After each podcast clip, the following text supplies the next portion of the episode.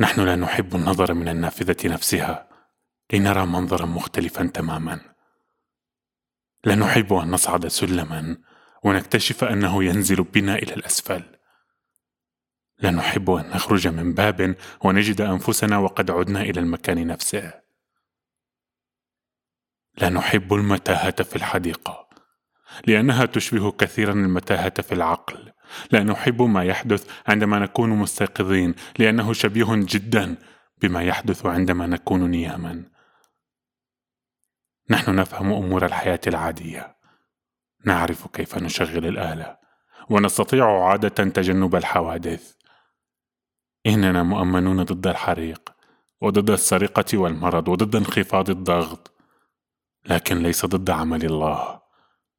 نعرف تعاويذ ورقي مختلفة وأشكالا قليلة من الشعوذة والكهانة وقراءة الكف وصفات ضد الأرق وآلام الظهر وضياع النقود. لكن لكن دائرة فهمنا هي منطقة محدودة جدا.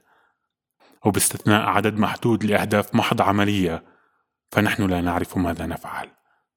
وحتى عندما نفكر في ذلك فنحن لا نعرف كثير عن التفكير. ماذا يجري خارج الدائرة؟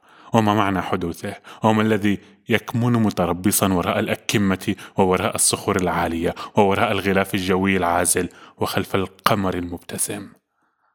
وماذا يفعل بنا؟ وماذا نكون؟ وماذا نفعل؟